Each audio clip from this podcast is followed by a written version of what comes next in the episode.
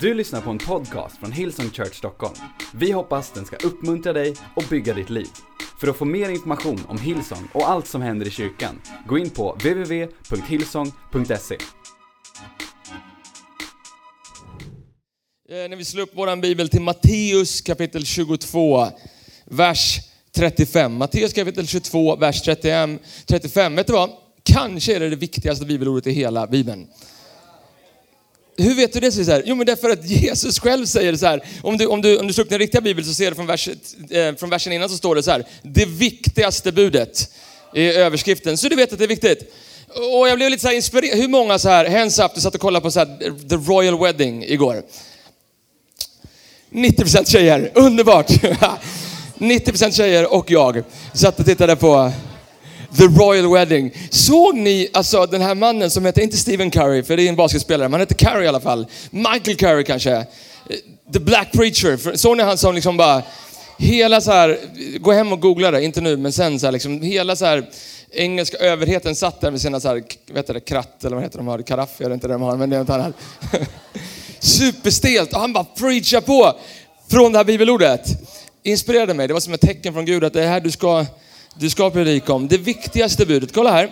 Matteus kapitel 22, vers 35. Eh, Jesus eh, är i Jerusalem och så står det så här, vers 35. En av dem, en laglärd, ville pröva honom, alltså Jesus, och frågade, Mästare, vilket är det största budet i lagen? Han svarade, du ska älska Herren, din Gud av hela ditt hjärta, av hela din själ och av hela ditt förstånd. Det är det största och det första budet. Sen kommer ett som liknar det. Du ska älska din nästa så som dig själv.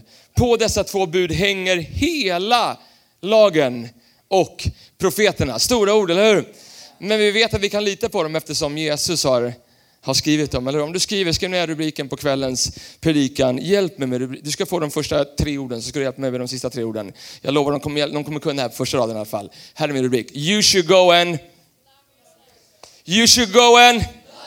You should go and... Precis, you should go and love yourself. Det är min rubrik på kvällens predikan. Vi tackar Herre för ikväll. Vi tackar att vi får samlas i ditt hus Herre. Vi tackar för att det här är den plats där du talar, agerar och fyller allting med din närvaro Herre. Be för ditt lag, Sverige ikväll Herre. Vi kommer emot Schweiz i namnet Jesus Herre. Vi talar, vi talar bara framgång över Sverige 2015 i Jesu namn. Vi ber och alla människor som älskar Sverige så. Amen. Det är viktiga böner. Alltså det, slarva inte med de här bönerna för Sverige kan jag säga. Det är. You should go and love yourself. Jag älskar det här bibelstället. Jag, jag, älskar det. Jag tror att det är viktigt. Det finns så många liksom, bottnar i bibelstället. Men jag, jag skrev så här. Vet du vad problemet är? Att vi inte, när vi inte älskar oss själva. Eller när vi har en fel bild av vad, liksom, hur, vilken betydelse vi har eller vår identitet. Så här är det. Om vi inte förstår hur mycket Gud älskar oss Amen. Så kommer vi inte förstå hur älskade vi är. Och om vi inte förstår hur älskade vi är så kan vi aldrig älska dem som Gud vill att vi ska älska. Yeah? Därför är det viktigt att du och jag, jag säger det igen, du och jag måste förstå hur mycket Gud älskar oss och på vilket sätt Gud älskar oss. Så att vi kan börja älska oss själva, så vadå? Så vi kan älska våra nästa. Amen.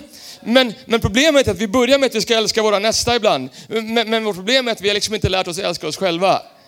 Så, så vi går ut och försöker älska någon annan, men, men vi ser ner på oss själva och vi talar skit inför oss själva, om oss själva och talar ner oss själva. Varför? Därför att vi förstår inte hur mycket Gud älskar oss. Vet du vad Gud säger? You should go and love yourself. Du borde älska dig lika mycket som jag älskar dig. Amen. Så så mitt mål här idag är att du skulle gå härifrån med en otvivelaktig liksom, visshet om hur mycket Gud älskar dig, hur mycket han är för dig, hur mycket han är på din sida. Jag ska önska att du tycker att jag var lite för på. Att du nästan känner att det här är lite för mycket, så då, då har jag lyckats. All right. Så du ska få några, några punkter av, av mig. Du som säger så här, Erik jag jobbar lite grann med att i vissa seasons av mitt liv så älska mig själv.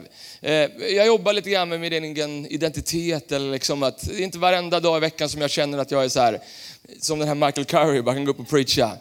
Så första punkten, punkt nummer ett. Guds kärlek är inte logisk. Alltså på swinglish, Guds kärlek makar inte sens. Den gör inte det. Liksom, det går inte att förstå hur mycket Gud älskar oss. Kanske det är en av de sakerna som man brottas mest med som pastor. Man ser hur människor liksom inte kommer ur sin skit för att de förstår inte hur mycket Gud älskar dem. Eller hur? Och de, man går runt och tror att men Guds kärlek är ju logisk, att om jag ger kärlek så kommer jag få kärlek, men så funkar inte Guds kärlek. Och, och jag tänkte så här, hur, hur kan man förklara det för människor, hur Guds kärlek funkar? Och ett av de sakerna som Jesus använder mest när han pratar om, om, Gud, om, om Gud, så säger han fader. Han pratar om fadern som sin pappa, om Gud som sin pappa. Och jag bara tänka på det, kanske, kanske ett av de bästa sätten att berätta för dig och mig hur mycket Gud älskar oss är att tänka på hur en pappa eller en mamma älskar sitt barn. Hur många är pappor här inne? Och, eller mammor? Du vet så här, du, du är förälder. Vissa är tveksamma. vissa saker verkar inte sens, men det är okej. Okay. Häng med mig, Gud älskar dig eh, i Jesu namn. Eh, men, men du vet så här, hur en pappa älskar sitt barn. Jag minns hur, eh, jag, har, jag har två söner, vi har en dotter på gång. Prisa vår Herrens underbara namn. Be för mig. Be för mig. Eh, och mina söner. Men vår äldsta son heter Adrian Noel Liljero. Han föddes, eh, han föddes för ja, drygt åtta år sedan. Jag minns eh, när, när Bea var gravid, min fru, så hade jag ett par så här breakdowns, så här freak out moments eh, innan Adrian föddes. För jag var så här, jag fattade, så här, tänk om jag inte älskar mitt barn. Du vet så här, tänk om jag inte Tänk om jag, du vet så här, tänk om inte det, och jag såg alla människor, nu vet de vad jag gör på Instagram, eller hur? Man lägger upp en så bild på så här ultraljudet, en bild som bara mamma och pappa kan älska. Det är en alien, och man bara, så fin, han är så vacker. Man bara, berätta för mig exakt vad som är fint i den bilden. Men jag minns vi, vi gick ifrån ultraljudet, jag Eh, och min fru och vi satt oss, jag gick genom Gamla stan och jag hade den där liksom knöggliga lappen, jag satt och kollade på den och jag bara, Gud, alltså, du vet så här, jag kände ingenting. Jag bara, Gud, borde jag känna någonting nu? Är det något, är det något fel? Alltså, borde jag gråta? Du vet, så här, tryck, så här, kanske kan jag komma. Min fru, alltså det var så här, hon var helt rödgråt. Hon bara liksom direkt vid ultraljudet, hon hade liksom, det var klart. Jag var så här, Gud, tänk om jag inte älskar min son? Och jag hade det så här lite secret. Jag, jag, jag delade med någon, Andreas och någon till. Jag bara så här, Gud, jag vet så här. Och, och, och månaden gick och vi åkte in där på BB på nyårsafton. 2009 mot 2010, på nyårsafton åkte vi in på, på BB på Söder, där de bästa barnen föds, eller hur? Det vet ni. Södersjukhuset, där de bästa doktorerna jobbar. Snyggast i alla fall. Min fru jobbar där, ifall du undrar. Vissa väl bara, Det finns en snygg doktor där, okej. Okay. Ja. All right. Vem blad? Så, så vi sitter där och och det är så här, jag, mitt huvud bara, tänk om jag inte liksom så här, om jag inte älskar, tänk om jag ser honom och jag bara, om jag inte känner någonting, ska jag fejka det? Ska jag säga någonting till Bea? Det vore inte bra. Du vet, så här. Och sen är mitt huvud lite redan occupied också med att, för det är ju nyårsafton. Och jag har en chans att han blir, du vet den där första ungen som föds på året. Har ni sett det på Aftonbladet, så här, årets första baby? Man kan inte säga att jag är ingen tävlingsmänniska, men det börjar ändå så här, om vi tar epidural nu, om vi tar, du vet så här, jag börjar, nej, nej. Men, men nyårsafton blev nyårs, du vet så här, nyårsafton, klockan slog tolv och du vet så här, vet, sjuksköterskan, barnmorskan kom in med Pommac och jag sitter och skålar, ber bara helt borta, helt hög så på, på saker och ting. Och så efter några timmar så, efter några timmar så föds Adrian, min son. Och, eh, och och, och de tar ut B därifrån och de ska liksom fixa en lite grann. Så här. Och, och jag, jag hamnar där med Adrian i min famn och jag tittar på honom och när jag såg honom för första gången så visste jag bara, han är min. Jag älskar honom. Han behöver inte göra någonting. Varför älskar För att han är min. Det spelar ingen roll hur han såg ut. Ni föräldrar, ni vet, vet som att han var jättefin. Han var inte fin när han kom ut. Har du sett en bebis som kommer ut? Såg ut som en alien, det så här, långt huvud. Skit, alltså, Bebisar är, de är fina efter ett tag när de har tvättat av dem så här. Men han var min. Och, och därför så älskar jag honom. Vissa, vissa människor, du tror att om jag bara lever lite bättre inne så kommer Gud älska mig. Eller att Gud älskar mig om jag var lite snyggare. Gud älskar dig därför att du är underbart skapad. Han tycker du är snygg men han älskar dig inte på grund av vad du har gjort utan på grund av din position. Ja? Yeah? Ja? Yeah? Gud älskar dig på grund av din position. Vilken position säger du? Att du är hans barn. Han älskar dig som en förälder älskar sitt barn. Eh, därför först, Johannes kapitel 1, vers 12 säger men att alla de som tog emot honom gav han rätten att bli Guds barn. Så vad måste jag göra? Vem får bli Guds barn säger du? Alla säger du? Nej, det är inte så. Men åt alla de som tog emot honom gav han rätten att bli Guds barn. Ja? Yeah? Men åt alla de som tog emot honom gav han rätten att bli Guds barn. Lyssna, låt mig bara dra det lite längre. Vissa människor tror fortfarande att men jag måste ändå prestera. Det måste ju ändå vara så här, om jag kommer till kyrkan fyra söndagar i rad så måste det ändå vara, Gud måste bli lite nöjdare över mig. Vet du vad, han älskar dig lika mycket på din sämsta dag som din bästa dag. Ungefär som en barn igen.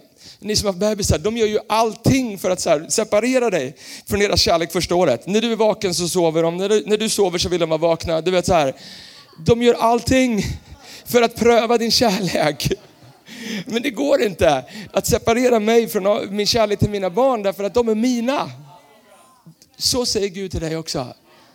Du, och vissa av er, ni känner att Erik, det här är för banalt. Det här är för enkelt. Okej då, låt mig övertala er med Guds ord. Kolla vad Bibeln säger. Bibeln säger så här ifrån, ehm, ifrån, eh, ifrån Markus kapitel 10. Man bar fram små barn till Jesus för att han skulle röra vid dem. Men lärjungarna visade bort dem. När Jesus såg det blev han upprörd och sa till dem, låt barnen komma till mig, hindra dem inte. Till Guds rike tillhör sådana. Amen säger den som inte tar emot Guds rike som ett barn kommer aldrig dit. Så, you should go and love yourself. Hur? Genom att acceptera att Guds kärlek inte är logisk. Att han älskar dig precis som du är. Okej, okay, andra saken.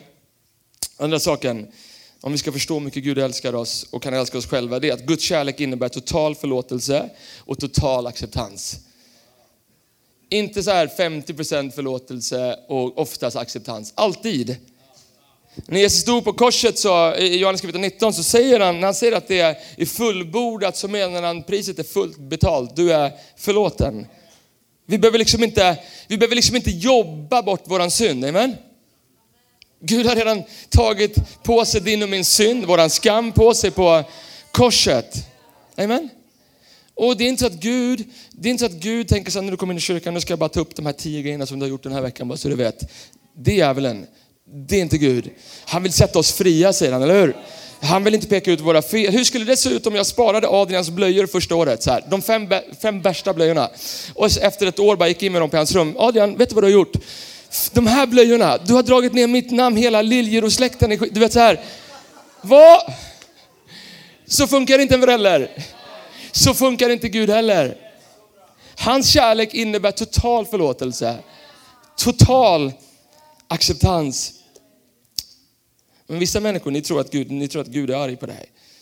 Jag har själv varit i sån season. Jag tror att Gud är arg därför är jag inte värd att lovsjunga, jag är inte värd att komma till kyrkan. Du tror att han är som en så arg trafikpolis som bara väntar, eller en lapplisa som bara väntar att sätta dit dig på Södermalm eller någon annanstans. Eh, eh eller som att du är så här, jag kanske lagt sagt det förut, men jag tycker det är en ganska bra liknelse. Eh, du vet så här om man går i youth, om man har fått, hur många har fått utegångsförbud någon gång? Oj, jag har sett en hand, jag har sett alla händer. Du vet man har en curfew, man ska vara hemma vid en viss tid. Hallå? Vet du vad jag menar? Ni vet, ni vet nu är de här första raden. Du, du vet, man, ut, man, man tänker sig jag måste vara hemma vid en viss tid och så, och så missar man den tiden. Och man har sett det, man glömde bort, eller hur? Tiden gick. Man var så här, och man, hemma hos mig där jag bodde hos mina föräldrar, då hade vi en, eh, vi hade stora dörren och så hade vi bakdörren. Vi gick alltid in bakdörren. Men problemet med bakdörren var att den knarrade något fruktansvärt. Tvättstugedörren var det. Och jag visste exakt, på jag kunde stå tre, fyra minuter och bara... Jag bara liksom, så man stänger dörren och man bara... Hör man bara så här. Vad har det varit? Det är aldrig heller så att de har tänt upp lite grann, att de sitter med lite varmt te och mackor och grejer. Så här, det är bara så här. Vad har det varit?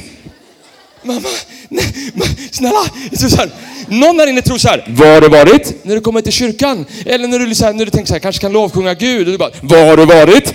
Gud är inte en sån Gud som frågar, var har du varit? Nej, nej, nej, nej. Om du vill höra någonting så säger han, du är älskad, du är accepterad, jag har dött för dig, jag har längtat efter att du ska komma hit den här kvällen så att jag kan få tala dig full av mitt självförtroende.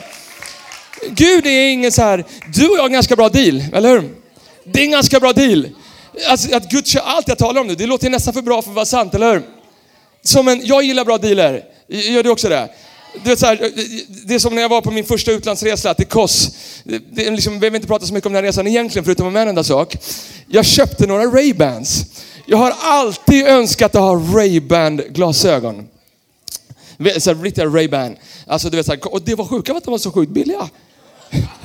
Fem dollar för några Ray-Bans. Jag bara, winning! Alltså, jag älskar en bra deal. Köper Ray-Bans. Tycker att de är lite, alltså, det är lite suddigt. De är mörka, jag ser liksom inte för riktigt bra. Jag, ser, så här, jag kollar på stranden och så tar jag upp dem och säger nej det var inte stranden, det var så här en gräsplan. Inte kanonfärg åt jag tänker det är någonting som är så här med Ray-Bans, det ska väl vara så här. Det vill säga att det går några timmar och jag ska lyfta upp dem och sätta upp dem på huvudet och de går sönder. Och typ, mina Ray-Bans! Tills jag vänder på dem och jag säger, det står inte Ray-Ban, det står Ray-Han. De har så här skrivit ett H lite, lite konstigt. En dålig deal, eller hur? men, men, eller som den första bilen jag köpte. En Saab 900, 84. Liksom, född 84 på säga. Den är, det, Marcus kommer ihåg det, magen du vet. Den var liksom medelålders. Och den hade elhissar. Jag säga en sak, köp inte elhissar på en bil som är gjord på 80-talet. Du vet, så här, första dagen bara, elhissar, det är februari, jag åker till mitt jobb, jag har precis fått det så här, det, det snöar så här. Jag drar ner elhissen bara, mm, bara lagt ner. Hela den vintern, jag, jag satt och körde med goggles på mig. Konstant så här, nackspärr här. Och vi fick upp efter varje gång jag åkte, var jag tvungen att lyfta upp den. Så åkte ner hela tiden, fick åka tio minuter, lyfta upp den igen. Lyssna, jag älskar bra dealer. Men, men jag har fått dåliga dealer i mitt liv. Men det finns en deal som är grym i mitt liv. Vet du vad det är? När jag lät Jesus flytta in i mitt liv. Därför, därför den här världen säger så här. Du får vad du betalar för, eller hur? Så jag fick vad jag betalade för med min Ray-Ban. Jag fick vad jag betalade för med min Saab 900. Men Jesus säger så här, du får vad jag betalar för. Amen. Du får vad jag betalar, inte vad du betalar för. Så Jesus säger, jag betalar för din skuld. Jag betalar för din synd, jag betalar för din skam, jag betalar för dina tillkortakommanden, jag betalar för alla gånger du gör fel. Och du ska få mitt namn. Amen. Det är en väldigt bra deal. Ja, men vad kostar den säger du? Ingenting. Ja, men vad ska jag göra då? Bara säga, här jag Jesus, jag tar emot det. Den kostar ingenting. Den kostar ingenting. Men det väger inte lätt, amen? Den är gratis men den väger inte lätt. Den har potential att förvandla ditt liv om du förstår det på riktigt. Och om ditt liv blir förvandlat så kommer andra människors liv också. Andra människor kommer också bli förvandlade. Romarbrevet 8 och 1 säger så finns, så finns nu ingen fördömelse för dem som är i Kristus. Amen. Jesus älskade mig och hans kärlek innebär total acceptans. Lagen kanske hade första ordet, jag skrev så här, lagen kanske hade första ordet men nåden hade sista ordet. Lagen, alltså, alltså djävulen, den här världen kom för att anklaga dig och mig men nåden kommer för att sätta oss fria. Lagen vill döma det bästa av oss men nåden vill rädda det värsta av oss. Lagen vill exponera dig, nåden vill befria dig. Lagen säger du är en slav, men nåden, alltså Jesus säger du är en son, du är en dotter. Lagen säger du är skyldig, men nåden säger nej, nej, nej, nej, nej. Du är förlåten. Du är förlåten. Så andra saken om du och jag liksom ska börja love ourselves, förstå att Guds kärlek innebär total förlåtelse, total acceptans. Tredje saken, tredje sista punkten. Jesus ser dig. Vissa är aj, aj, aj. Aj, aj, aj, aj, aj. Så Jesus, Jesus ser, låt mig förklara vad jag menar. Ehm, att Jesus ser dig. Får jag ta en barnliknelse till? Jag, är, jag går in i den här bubblan igen, så ni får bara leva med mig. Att jag, men jag läste på eh, häromveckan i en så rapport från Folkhälsoinstitutet på tal om hur vuxna, alltså mammor och pappor, tittar på sina barn. Och problemet är idag med de här smartphones, om du går till en lekpark så ser du att det är ingen som ser sina barn längre. Utan alla vuxna sitter med sin mobiltelefon och kollar lite grann och barnen så här river i dem och sliter i dem. Jag tänkte på det igår. Hur liksom, hur vi var i en lekpark, jag och mina söner, jag såg flera barn som sprang bort med sina föräldrar, men föräldrarna ser dem inte för alla sitter med sin smartphones. För vi vill ju vara med och vi vill ju leva och vi vill ju inte missa om något coolt händer. Och, men kolla vad, kolla vad jag, skrev ner det så här, Folkhälsoinstitutet skrev så här. Kolla här. Experter på Folkhälsoinstitutet har kommit fram till att det är superviktigt med ögonkontakt mellan föräldrar och barn i tidig ålder. Annars riskerar barnen att drabbas av psykiska problem senare i livet. Wow! Wow! Så, så folkhälsa, vad det nu är för institut, det, det känns trovärdigt i alla fall, eller hur? Det är inte jag som säger det. Folkhälsoinstitutet säger att det är superviktigt för en förälder att titta sina barn i ögonen. Titta dem i ögonen, för att om du inte gör det så kan de ha psykiska problem längre fram i livet. Jesus, han ser dig. Och, och, när han ser dig, lyssna jag ska ta den på lite resa de sista fem minuterna. Jag hoppas att Gud kommer uppenbara, den heliga ande kommer göra någonting i ditt hjärta. Hur Gud ser dig.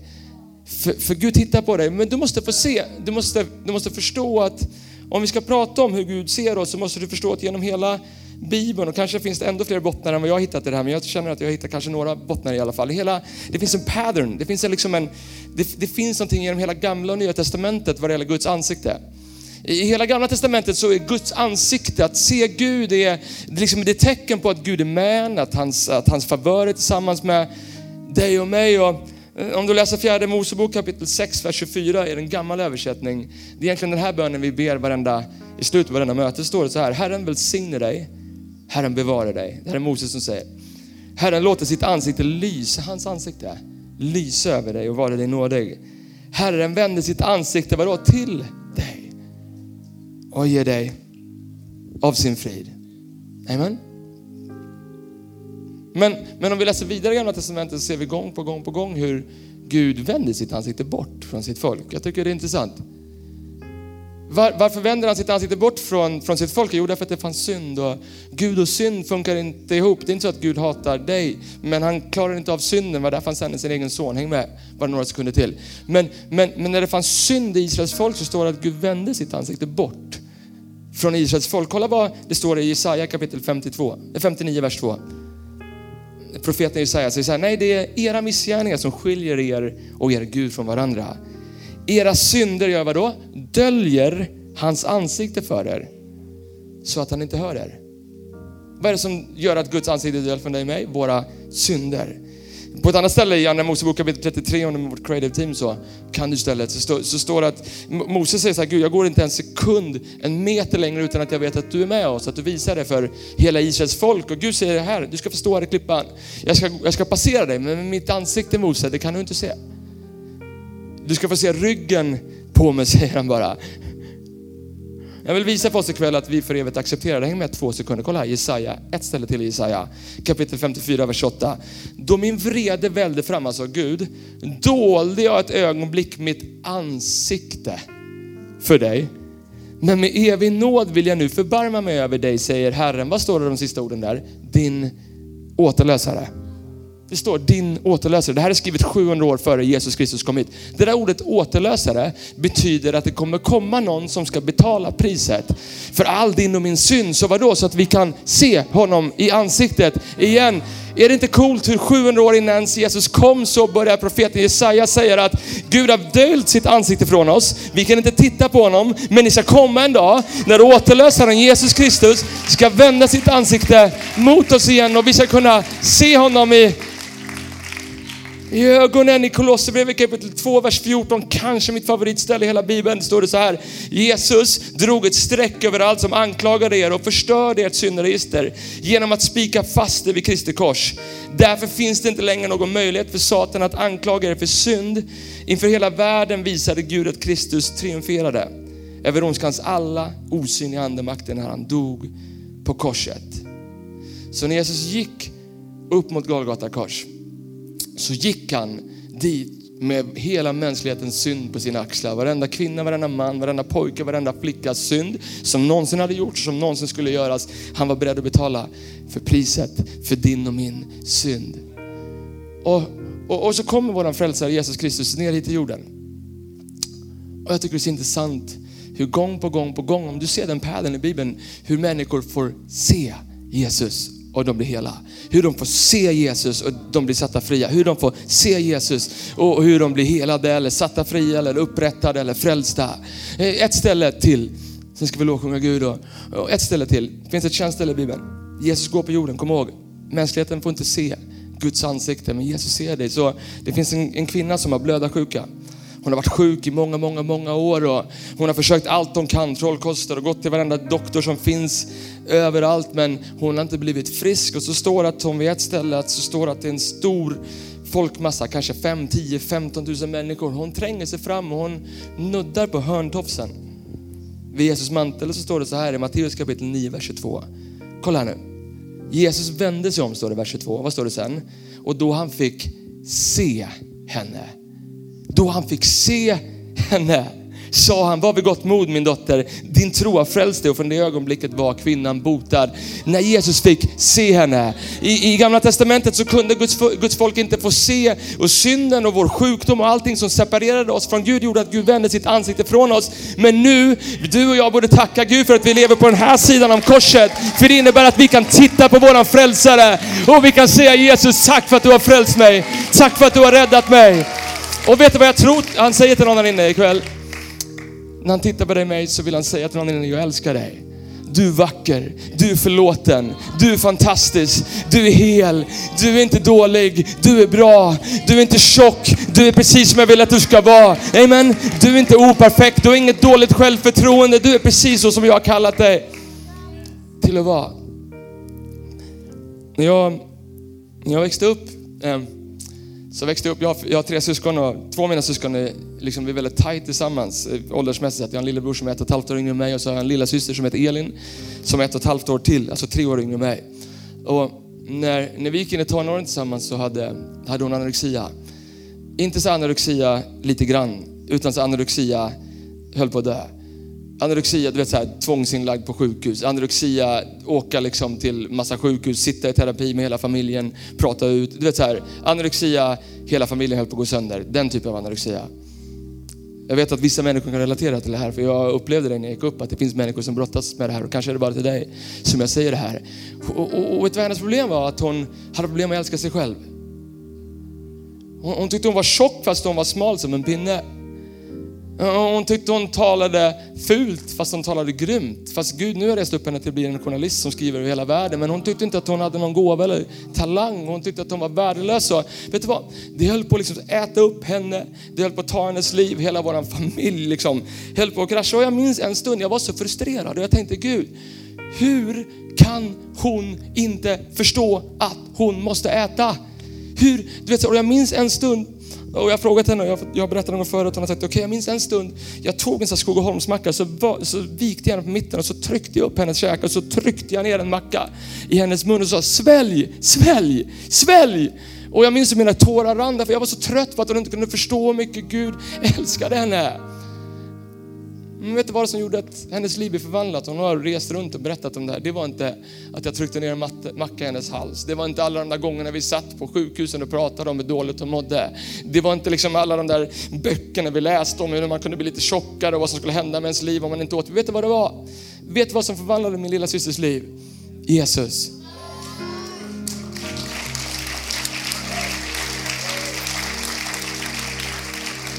För en dag så fick hon tag om Jesus och hon såg Jesus och Jesus började skriva en ny story i hennes hjärta. Han började skriva en ny identitet i hennes hjärta hon förstod att det spelar ingen roll vad människor säger på Instagram eller Facebook eller på Aftonbladet eller på Plaza Kvinna eller Cosmopolitan eller andra tidningar du läser. Lyssna på vad Jesus säger. Han säger, jag ser dig, du är underbart skapad, du är fantastisk, du är frid, du är underbar, jag är på din sida och jag ska skriva en ny story i ditt liv.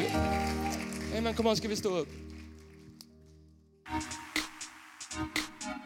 Du har lyssnat till en podcast från Hillsong Church Stockholm. Om du vill veta mer om vår kyrka eller om våra söndagsmöten, surfa in på www.hillsong.se.